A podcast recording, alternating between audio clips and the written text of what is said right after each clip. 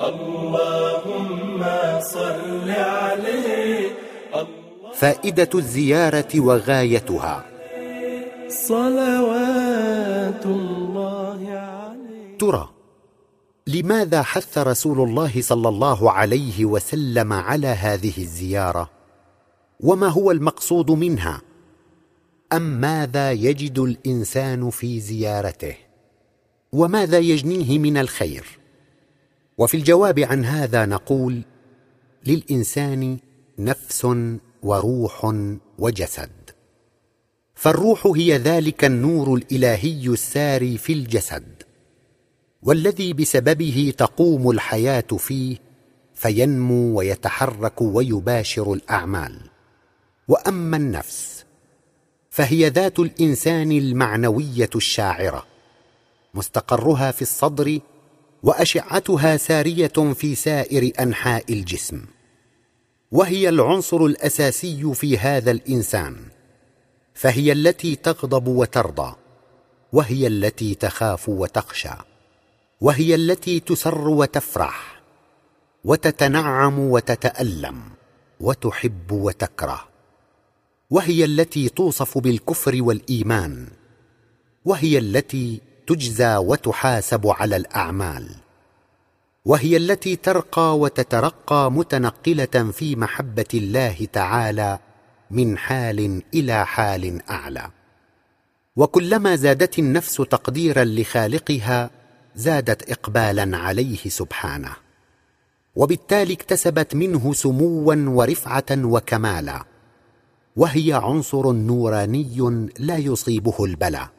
ولا تمتد إليه يد الفناء وما الجسد إلا ثوب النفس ولباسها فهو الحامل لها وبواسطته تباشر أعمالها وعن طريق الحواس تتعرف إلى ما حولها فإذا ما فارقت الروح الجسد ومات هذا الإنسان لبست النفس الحال الذي كانت قد وصلت إليه في الحياة الدنيا. وما القبر الذي يضم الجسد إلا مركز لتلقي شعاع النفس المستنيرة ومهبط لأشعة من النفس الميمونة. وتكون النفس المؤمنة أو التقية والحالة هذه كالشمس. جرمها في السماء وأشعتها سارية في كل ناحية من أنحاء الفضاء. تملأها بالنور والضياء. وما هذا إلا مثال يقرب لك الحقيقة. والنفس المؤمنة أسمى بكثير وأرفع مما يمكن أن يتصوره إنسان. فحالها بعد الوفاة لا يختلف عن حالها في الدنيا من حيث الإقبال على الله. بل إنها ترقى في هذا الإقبال لحظة فلحظة وآنا بعد آن. والنفس المؤمنة تسري مع نفس رسولها الكريم من الكعبة سارية بتجليات ربها. وإن كانت من حيث علاقتها بجسدها في حال برزخي إشرافي غير أنها تسمع وترى. إذ تصبح النفس التقية بعد الموت كلها أعينا وكلها آذانا. فهي أسمع وأشد شهودا ورؤية مما كانت عليه في الدنيا. وهكذا. إذا أنت ذهبت لزيارة رسول الله صلى الله عليه وسلم ووقفت أمام ضريحه الشريف تسلم عليه فنفسه صلى الله عليه وسلم تشاهدك وتراك وتسمع سلامك وتسري إليك عن طريق الكعبة إلى ضريح جسده الطاهر المقدس غامرة إياك بفيوضات ربها الأعلى. إن كنت مؤمنا حقا وممن وصل إلى حال نفسي رفيع استطعت أن تعاين ذلك وتسمع منه صلى الله عليه وسلم رد السلام عليك. ولذا إذا دنوت من مقامه صلى الله عليه وسلم فقف بعيدا عنه بقدر أربعة أذرع مقابلا رأسه الشريف ووجهه الأكرم متأدبا غاية الأدب. خاشعا وقل بصوت خافت. السلام عليك يا سيدي يا رسول الله. الله الله السلام عليك يا سيدي يا حبيب الله.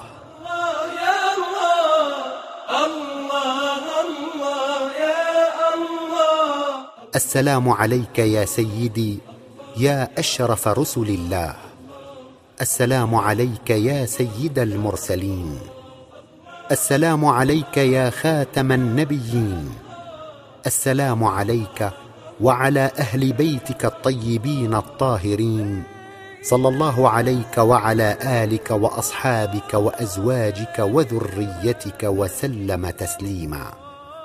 جزاك الله عنا وعن أمتك خيرا. فلقد بلغت الرسالة. وأديت الامانه وأوضحت الحجة وكشفت الغمه ونصحت العباد وجاهدت في سبيل الله حق الجهاد. وقد يغلب عليك أثناء الزيارة الحال النفسي من حيث صلة نفسك بنفس رسول الله صلى الله عليه وسلم.